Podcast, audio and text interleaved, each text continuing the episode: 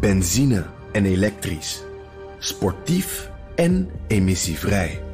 In een Audi plug-in hybride vindt u het allemaal.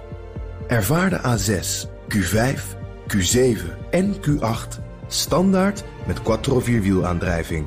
Wat u ook zoekt, u vindt het in een Audi. Audi. Voorsprong door techniek.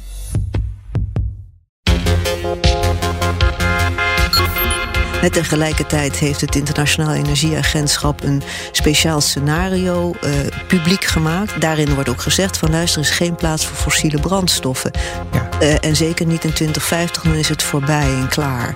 Uh, maar dan is het ook wel ironisch dat hetzelfde Internationale Energieagentschap drie weken later een olierapport uitbrengt. Waarin zij zeggen en waarin ze ook waarschuwen dat er op dit moment veel te weinig wordt geïnvesteerd ja. in olie en gas. Ja. En hier zitten dus weer die, die, die, die tijdsvakken hè, die zo belangrijk zijn. Je hebt die korte termijn, dat is gewoon korte termijn vraag en aanbod. En dat bepaalt uiteindelijk nu de prijs. Maar die middellange termijn, tot aan 2030, 2040, waarin eigenlijk de wereld nog steeds erg afhankelijk is van olie en gas, hè, dan, dan daar moet nog wel in worden geïnvesteerd, omdat er anders een tekort kan komen.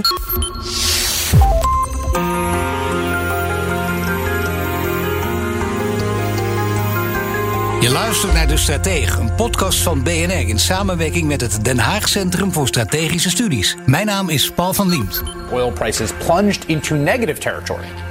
The price settled at, get this, negative $37 per barrel, which is down 305%, meaning people would pay you today to take their oil off their hands. 2021 so far being the year of oil and oil stocks. Oil's up 38% this year. It's higher right now than it was just before the pandemic. The overarching goal was, and of course is, to make Europe the very first climate neutral continent in the world to build a new growth strategy to get there. We know, for example, that our current fossil fuel economy has reached its limits.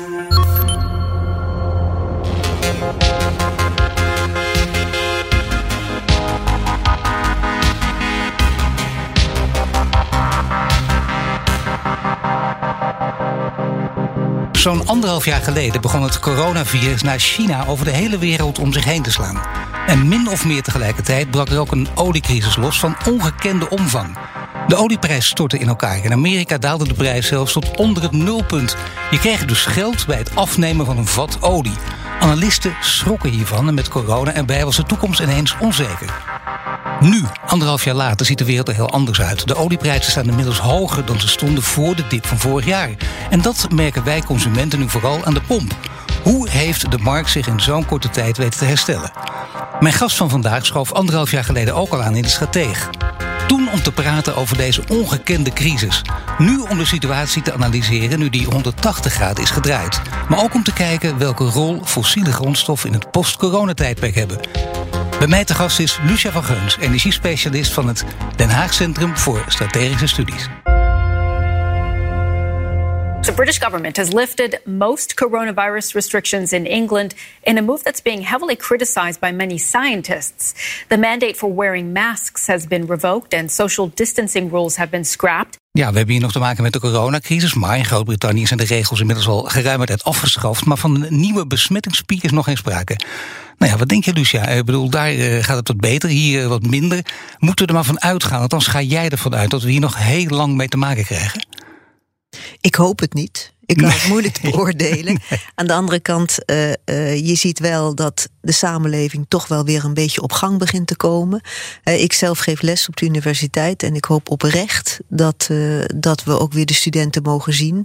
En dat we ze ook bij elkaar in de collegezaal kunnen zien. Oh, dat is interessant. Ja. Wat vond je van het pleidooi dan van de bestuursvoorzitter in Amsterdam aan, aan de VU? Die zei: het moet hoe dan ook open. Het kan niet meer. De studenten snakken gewoon naar fysieke lessen. Ik ben het er enorm mee eens. En ik hoop oprecht dat het ook gaat gebeuren. Ja, Lucia, jij hoopt dat het onderwijs weer open gaat. Maar ja, het onderwijs gaat ook open. Dat wil zeggen, de regels zijn nu, het gaat hoe dan ook open. Anderhalve meter afstand, alles moet in acht genomen worden. Maar hooguit 75 mensen per collegezaal. Vind je dat al een, hele mooie stap in de, in de richting? Vind ik zeker een mooie stap in de richting. Ik kan ze weer zien, weliswaar in een grote collegezaal... en misschien allemaal als puntjes, omdat ze anderhalf een meter uit elkaar moeten zitten.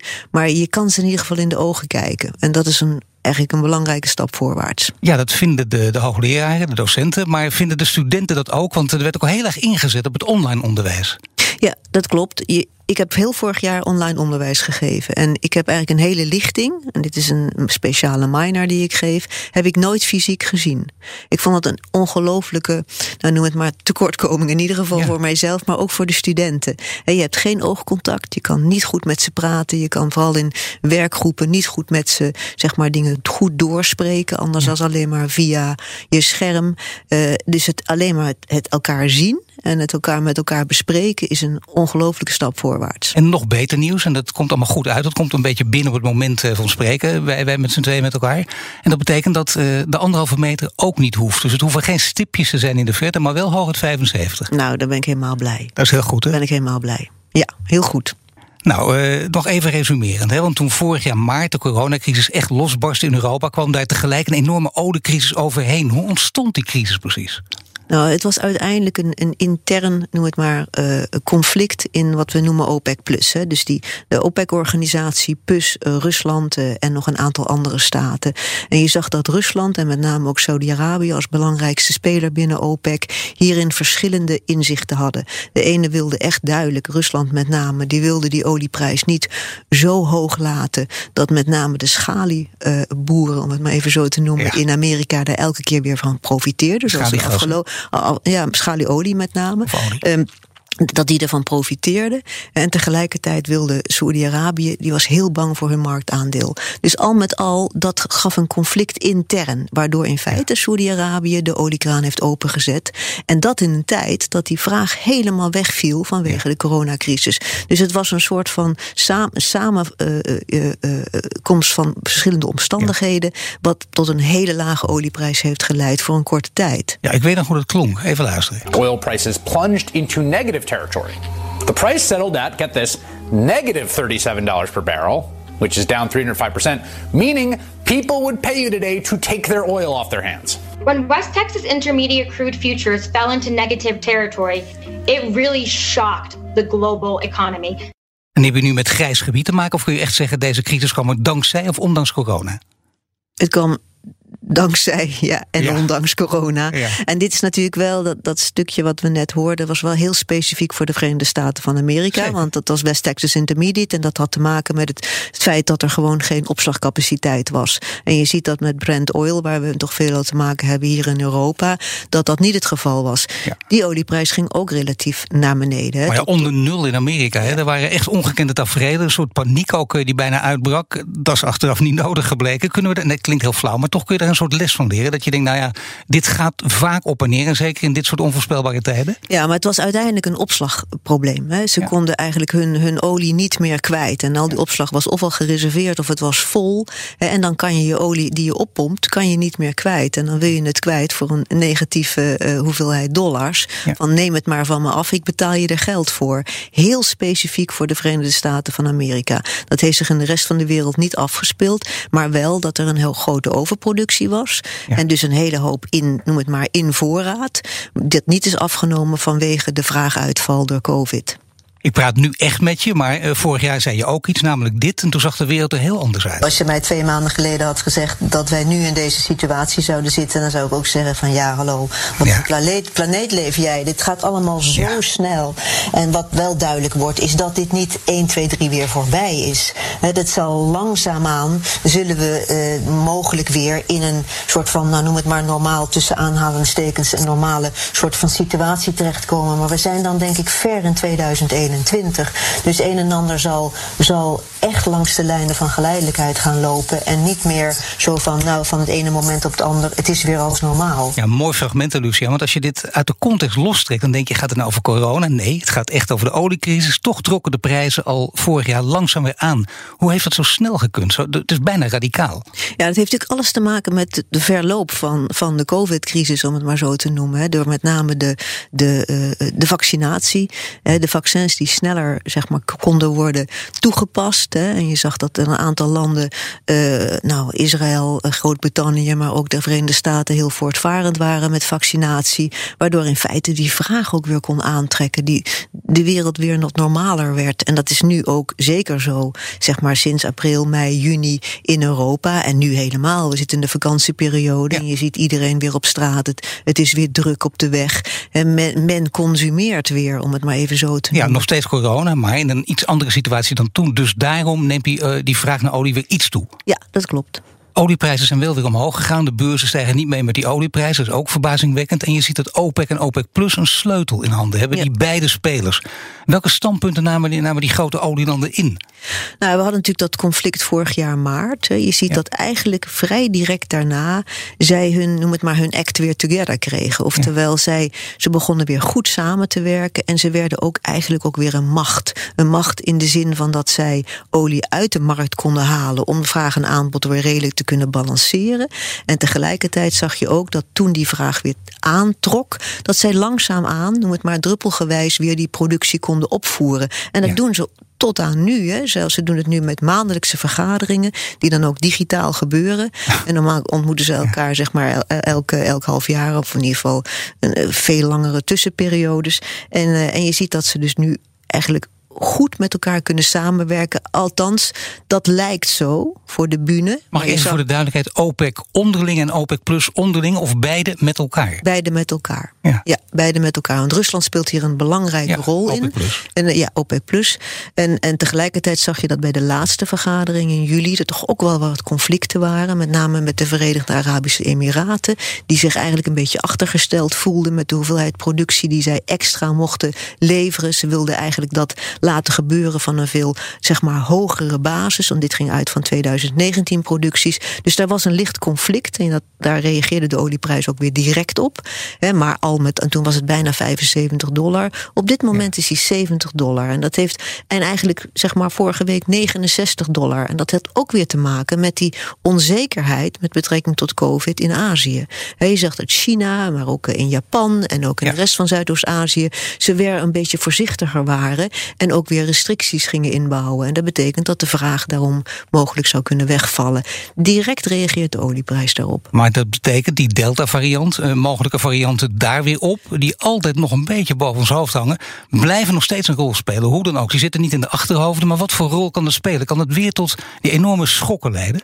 Nou ja, mogelijk als er weer, een, als er weer sterke lockdowns komen, waardoor de vraag echt, eh, echt eh, ineens abrupt af zou kunnen nemen.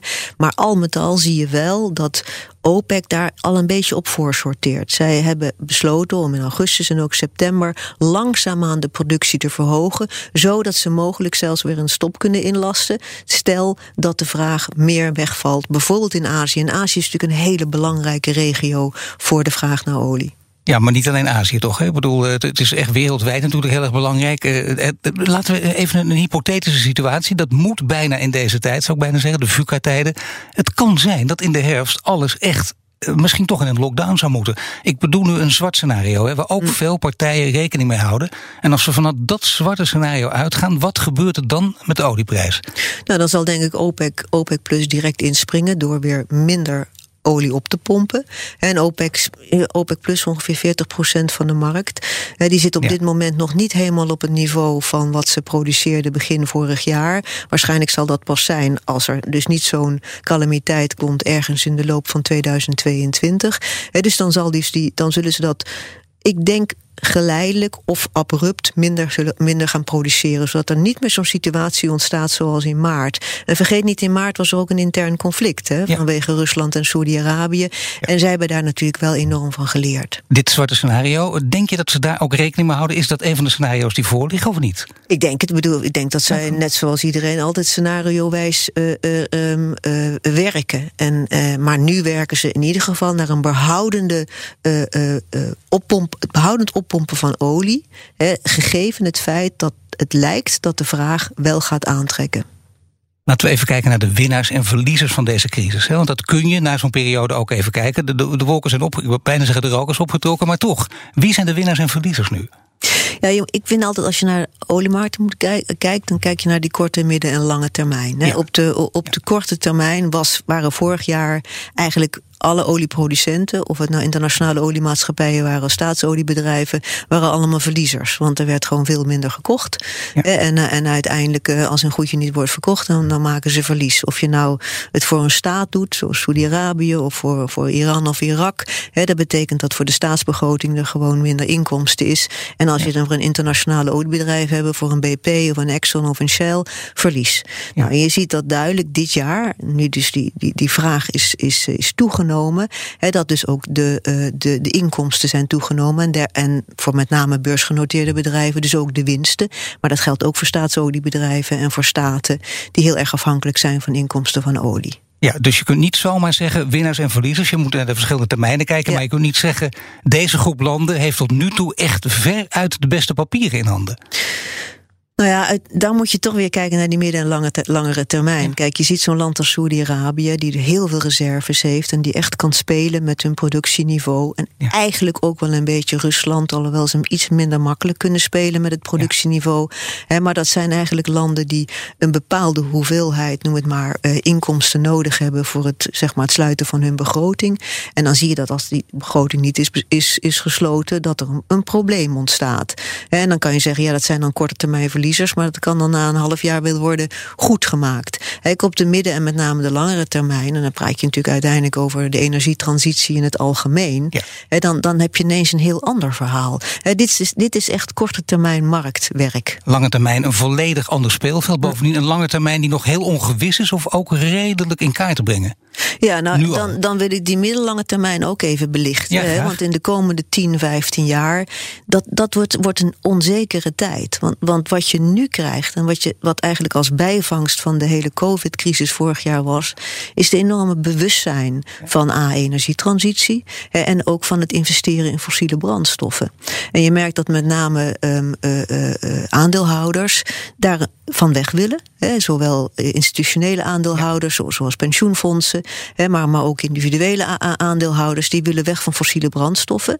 en, en dus ook van het investeren in fossiele brandstoffen. Tegelijkertijd zie je dat. Um, dus dat die bewustwording is vorig jaar echt ingetreden. En je ziet dus ook dat daarom het investerings, de investeringskracht van die bedrijven gaat afnemen.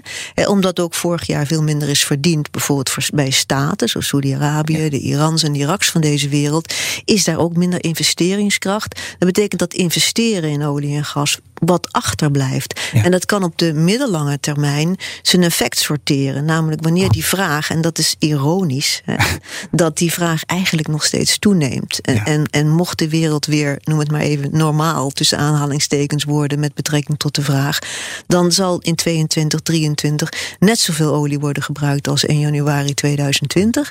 En misschien nog wel meer. Want er is die, die piek in vraag is nog niet bereikt. ondanks alle mooie woorden met betrekking tot ja, wat wij willen om, om de klimaatverandering tegen te gaan. Maar in de komende tien jaar is die groei er nog steeds. Of we willen of niet. Want de consumenten acteren als zodanig. Dus daar, dan heb je dus een lage investering, tegelijkertijd een relatief hoge vraag. En dan kan je natuurlijk uiteindelijk ook weer in een krappe markt terechtkomen. Of laten we zeggen dat in de komende tien jaar de volatiliteit in de oliemarkt dus waarschijnlijk zal zijn. Kijk, op de langere termijn is het gewoon einde verhaal. En dan praat je over tussen 2040, 2050. Dan zullen alleen nog maar de, die oliebedrijven die goedkoop de olie uit de, markt, uit, uit de grond kunnen halen, die zullen daar nog een markt in de aandeel hebben. Maar alle duurdere olie eh, die zal eh, niet meer eh, ehm, economisch zijn. Goed, dan gaan we zo meteen sowieso hier even verder praten over die middellange termijn. Zometeen praat ik verder met Lucia van Geuns, energiespecialist van het Den Haag Centrum voor Strategische Studies. Eerst wil ik een van onze andere podcasts bij onder de aandacht brengen. Het Nieuwe Geld, gemaakt door Rijn-Jan Prakke. Rijn-Jan die belegde ooit in Ethereum, zijn winst verveelvoudigd om vervolgens in rook op te gaan. Resultaat? Een fascinatie voor ons geldsysteem. In de podcast gaat hij langs bij economen, stelt vragen die zo voor de hand liggen dat ze misschien veel te weinig gesteld worden. Wat is geld? Om te eindigen met de zoektocht naar de toekomst van ons geld. Het nieuwe geld, luister hem in de BNR-app. The overarching goal was, and of course is, to make Europe the very first climate neutral continent in the world and to build a new growth strategy to get there. We know where we want to go and what we need to do to get there. We know, for example, that our current fossil fuel economy has reached its limits. Ja, dat zien we steeds vaker. Duitsers die Engels praten. Ursula von der Leyen, de grootste machtsblok in de wereld, zijn bezig om klimaatneutraal te worden. Europa mikt op 2050, China op 2060 en onder president Biden doet ook Amerika serieus mee met die klimaatambities. In die groene wereld is op de lange termijn geen plaats meer voor fossiele brandstoffen. En dat werd onlangs nog eens extra benadrukt door het panel van klimaatexperts van de Verenigde Naties, de IPCC. The United Nations warns of more extreme weather events ahead, saying climate change is now upon us. The latest assessment by the UN panel of climate scientists predicts the increase in average global temperatures could surpass the critical limit of 1.5 degrees by 2030. That's much sooner than previously thought, but experts say it's still not too late for governments to take action. Nou, inderdaad, eh, Lucia, jij zei het al, op termijn dan moeten we helemaal van die olie af. Maar in heeft die oliedip van vorig jaar de grote olielanden doen inzien hoe kwetsbaar ze zijn als de vraag naar olie in de toekomst dan ook uh, daadwerkelijk zal wegvallen? Ik denk dat dat vorig jaar helemaal niks heeft uitgemaakt. Het was een kleine blip in een, eigenlijk in een trend die nog steeds omhoog is. En dat is ironisch, hè? want ja. dit jaar was wel een, een, interessant jaar. Want we hadden, eh, we hadden uh, ja, al die verschillende beleids, um, noem het maar, vergezichten... van ja. grote consumerende regio's zoals Europa... maar ook de Verenigde Staten en China. Tegelijkertijd heeft het Internationaal Energieagentschap... een speciaal scenario uh, publiek gemaakt. Dat heet het Net Zero Carbon scenario, wat eigenlijk leidt tot een opwarming van anderhalve graden. Het is een beetje langs de lijnen van het, van het ja. laatste IPCC-rapport. En daarin wordt ook gezegd van luister, er is geen plaats voor fossiele brandstoffen. Ja. Uh, en zeker niet in 2050, dan is het voorbij en klaar. Maar dan is het ook wel ironisch dat hetzelfde internationale energieagentschap uh, drie weken later een olierapport uitbrengt, waarin zij zeggen en waarin ze ook waarschuwen dat er op dit moment veel te weinig wordt geïnvesteerd ja. in olie en gas. Ja. En hier zitten dus weer die, die, die, die tijdsvakken hè, die zo belangrijk zijn. Je hebt die korte termijn, dat is gewoon korte termijn vraag en aanbod. En dat bepaalt uiteindelijk nu de prijs. Maar die middellange termijn, tot aan 2030, 2040, waarin eigenlijk de wereld nog steeds erg afhankelijk is van olie en gas, hè, dan, dan, daar moet nog wel in worden geïnvesteerd, omdat ja. er anders een tekort kan komen, wat weer invloed heeft op de wereldeconomie. Ja, maar het is goed dat je dit zegt en benadrukt, omdat dat, dat het misverstand blijkt te bestaan bij veel mensen, ook na het rapport en na alle grote woorden, hernieuwbare energie. Oftewel, daar zetten we vanaf nu, letterlijk vanaf nu, misschien vanaf morgen op in, onmogelijk. En ja. alle grote spelers weten dat ook. Iedereen die aan de knoppen draait, weet dat ook. Hm. Ja, want je moet realiseren dat als je nu kijkt, als je kijkt naar de energiemix in de wereld, primaire energie, dan is dat nog gedomineerd door fossiele brandstoffen. En ja. helaas ook nog door kolen, maar ook door olie en gas. En met name die kolen, dat is een naar verhaal. Ja. Want we dachten dat we kolen min of meer wat betreft de top van de vraag, mondiale vraag, achter ons hebben. Maar eigenlijk, ja. en dat was ook een recent bericht, ook weer van het Internationaal Energieagentschap, dat er weer een enorme vraag is naar kolen, met name van China, voor China. Omdat nog ruim 60% van alle elektriciteitscentrales uh, uh, kolen gestookt zijn. En er eigenlijk nog steeds nieuwe kolencentrales worden gebouwd. Ja. En dat is een, een slecht verhaal in dit hele, noem het maar, uh, IPCC-geweld wat er op dit moment is losgebarsten. maar dat is, dat is voor de langere termijn ook een slecht verhaal. want die kolen is eigenlijk met betrekking tot CO2-uitstoot uh, um, op dit moment het grootste kwaad. Ja. ja, ja, en, en het is ook zo, als je naar die energiemix kijkt, dan zie je dat de hoeveelheid duurzame energie simpelweg nog niet genoeg is om de economie globaal nog te kunnen aanjagen. En daar gaan we wel naartoe. Want we gaan naar een meer elektrisch gedomineerde uh, samenleving. En mogelijk ook wel met, met moleculen. We noemen dat dan maar waterstof. He, maar uiteindelijk is het fossiele, fossiele ja. brandstoffen die worden uitgefaseerd in de tweede helft van deze eeuw. Maar, zoals jij maar nu het nog niet. Zoals jij het zegt, belangrijk. Ik zou bijna zeggen, misschien handig als jij ook een tijdje even president van Amerika gaat worden. Want uh, Joe Biden, die is dat nu. En die geeft dan toch een boodschap af die, die, die vreemd overkomt bij veel mensen. Die denken, wacht even, dat rapport komt. Hij omarmt dat ook, dat uh, IPCC-rapport. Tegelijkertijd zegt hij, er moet meer olie opgepompt ja, worden. Dat, is, flinke, dat is precies dit verhaal. Die. Want dat is dus die, die korte termijn. En vergeet niet, Biden wil nu heel graag dat er meer olie wordt opgepompt. Want dat is drukkend op de dan uiteindelijk productprijs in Amerika. Ja. Dat is ook weer belangrijk voor hem om mogelijk weer een, uh, zeg maar, in die die tweede termijn die hij heeft om, uh, om, om kiezers te trekken. Tuurlijk, dat niemand loopt te mopperen bij de pomp. Het komt allemaal Precies. door Joe Biden. Nou, zo is het. En ook alles wordt duurder.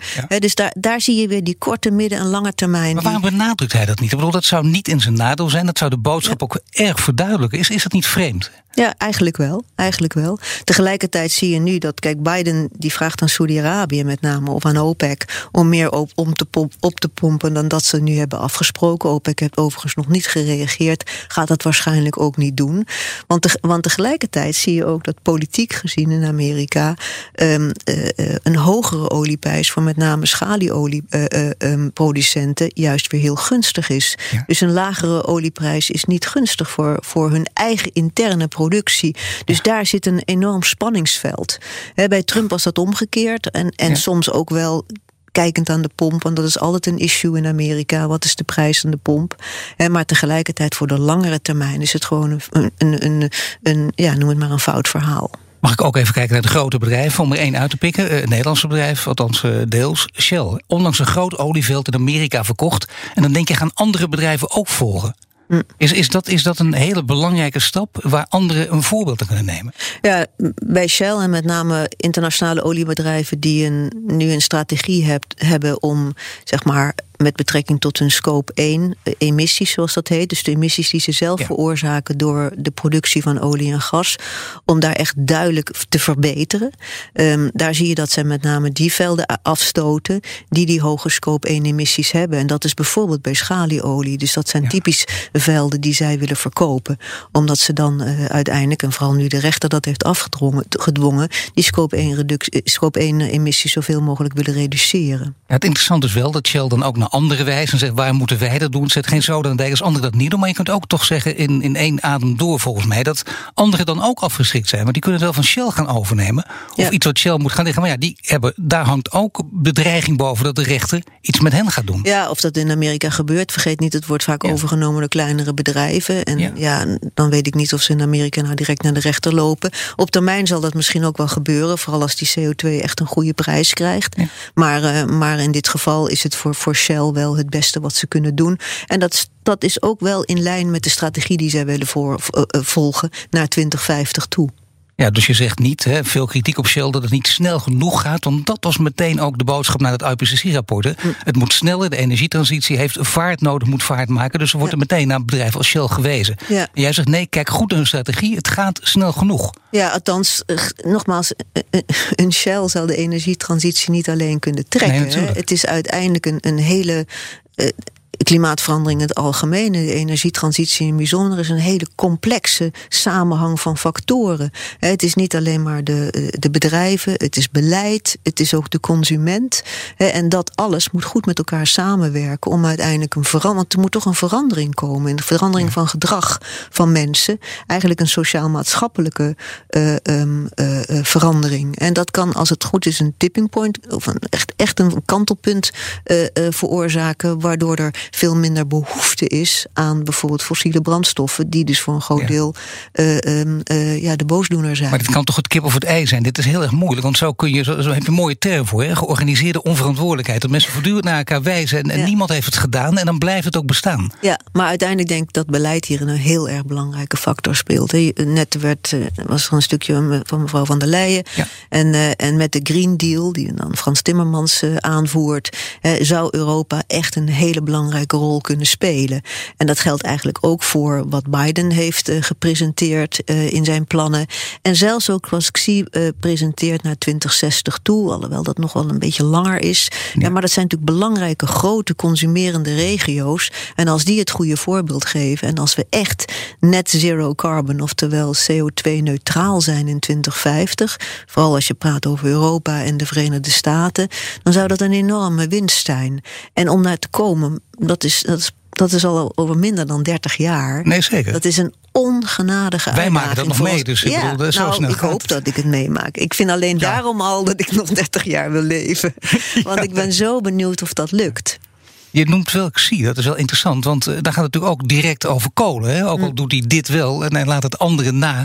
Ja. Dat zou gek zijn. Ja, nou dat is ook zo. En ik denk wat dat betreft, uh, China is super belangrijk met betrekking. Het is de grootste emitter op dit moment van, van, uh, van broeikasgassen.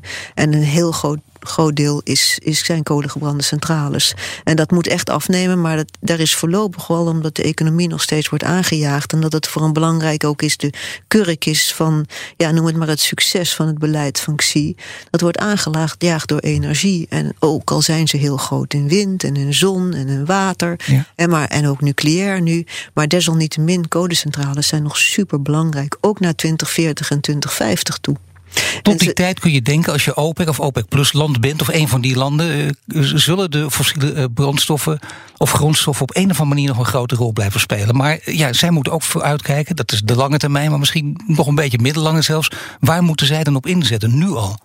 Op het diversificeren van hun economie. En om tegelijkertijd ook op duurzame energie. En je ziet dat sommige landen dat ook doen. Die zijn ook veel diverser in hun economie. Niet zo afhankelijk van één, noem het maar, één grondstof, in dit geval olie of gas, van hun inkomsten. Dus zij moeten diversificeren, dat kost geld. Dus zij willen op die korte, maar misschien ook middellange termijn nog heel veel verdienen. Uh, um, met betrekking tot, tot de export van, van olie en gas. En dat is natuurlijk ook een, het verdienmodel. Dat is in feite ook een beetje wat internationale oliebedrijven doen. Die hun grootste winsten van het afgelopen kwartaal komt allemaal van de verkoop van olie en gas. En dat willen zij gebruiken om mogelijk dan later te diversificeren tot een, in het geval van, van de BP's en de Shells, tot een elektriciteitsbedrijf. Maar welke landen doen het heel goed op dit terrein? Welke landen springen eruit? Het is, is moeilijk om te zeggen. Um, Saudi-Arabië beleidt het wel met de mond. Ik weet niet of ze het ook klaar echt doen. Ze hebben enorm ambitieuze plannen. Maar of het nou ook echt echt gebeurt, is een tweede. Zo ik in de reden, maar ik, ik vind het zo interessant omdat wat, wat weerhoudt ze? Het, het, is, ze volgen ook alles, weten wat er aan de hand is. En je, je, heel, ik snap het, hè, beleiden met de mond wat je echt doet, maar wat weerhoudt ze om het niet te doen? Nou, voor een heel groot deel. Het zijn autocratische regimes en het is ook heel erg afhankelijk van hoe ze verder hun eigen interne, noem het maar, hun eigen um, uh, uh, land besturen. Er zit natuurlijk heel veel corruptie en er is wat dat betreft ook wel een. Um, ja, eh, het is soms lastig om het te realiseren, laat ik het zo zeggen. Als je Iran neemt, Iran is natuurlijk een veel meer gediversifieerd land. Eh, en dat zit natuurlijk nu ook een beetje in de knel, nog steeds onder de olieboycott.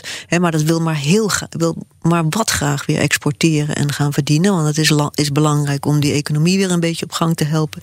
Ik denk dat Rusland op zichzelf, alhoewel ze weinig doen met betrekking tot energietransitie. Af en toe hoor je er wel iets over. Maar die hebben wel eigenlijk alle ingrediënten. Hè, dat is namelijk met name een heel erg veel ruimte. Hè, en ook een, een heleboel grondstoffen. om mogelijk die energietransitie gestalte te geven.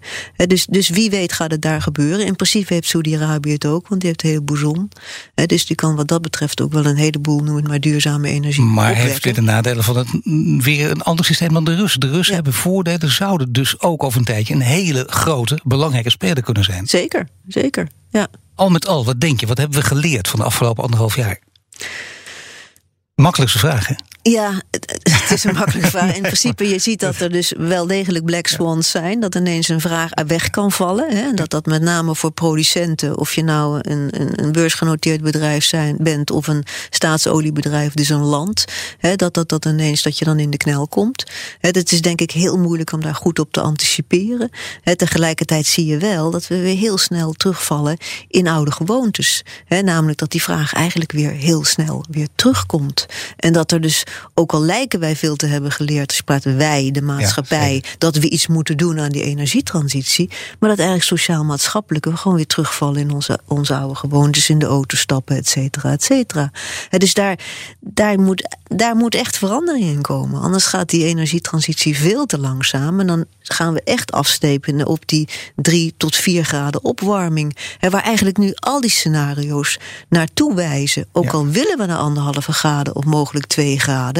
Maar als je kijkt bijvoorbeeld naar het zero carbon scenario van het IEA, wat ook allemaal voorpagina nieuws was. Internationaal Energieagentschap. Ja, maar dat zijn allemaal wat we noemen backcasting scenario's. Oftewel, daar redeneren ze terug van duisters in 2050 willen we helemaal niet meer aan de fossiele brandstoffen in verband met de emissies. En dan zouden we vanaf nu moeten beginnen om er eigenlijk nauwelijks meer iets van te gebruiken. Maar je ziet dat de samenleving daar helemaal nog niet voor is aangepast. En wij ook niet met onze mindset. Dus daar is nog een heleboel te doen. Ik, ik noem dat echt sociaal-maatschappelijke kantelpunten die moeten die moeten komen. OMT van het eh, klimaat en de grondstoffen is misschien hard nodig. Nou, als je dit zo zegt. Hè? Ja. Dit is ook multidisciplinair, dat Ja. woord even te gebruiken. Ja. Maar er moeten meerdere eh, wetenschappers naar kijken. Ja, ja, het is echt een systemisch. eh, ehm, het, het hangt allemaal met elkaar samen.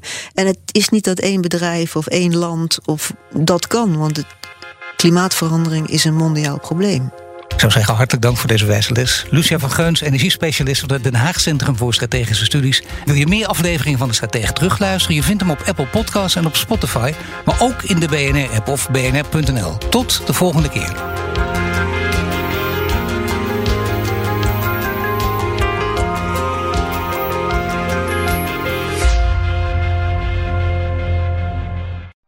Benzine en elektrisch.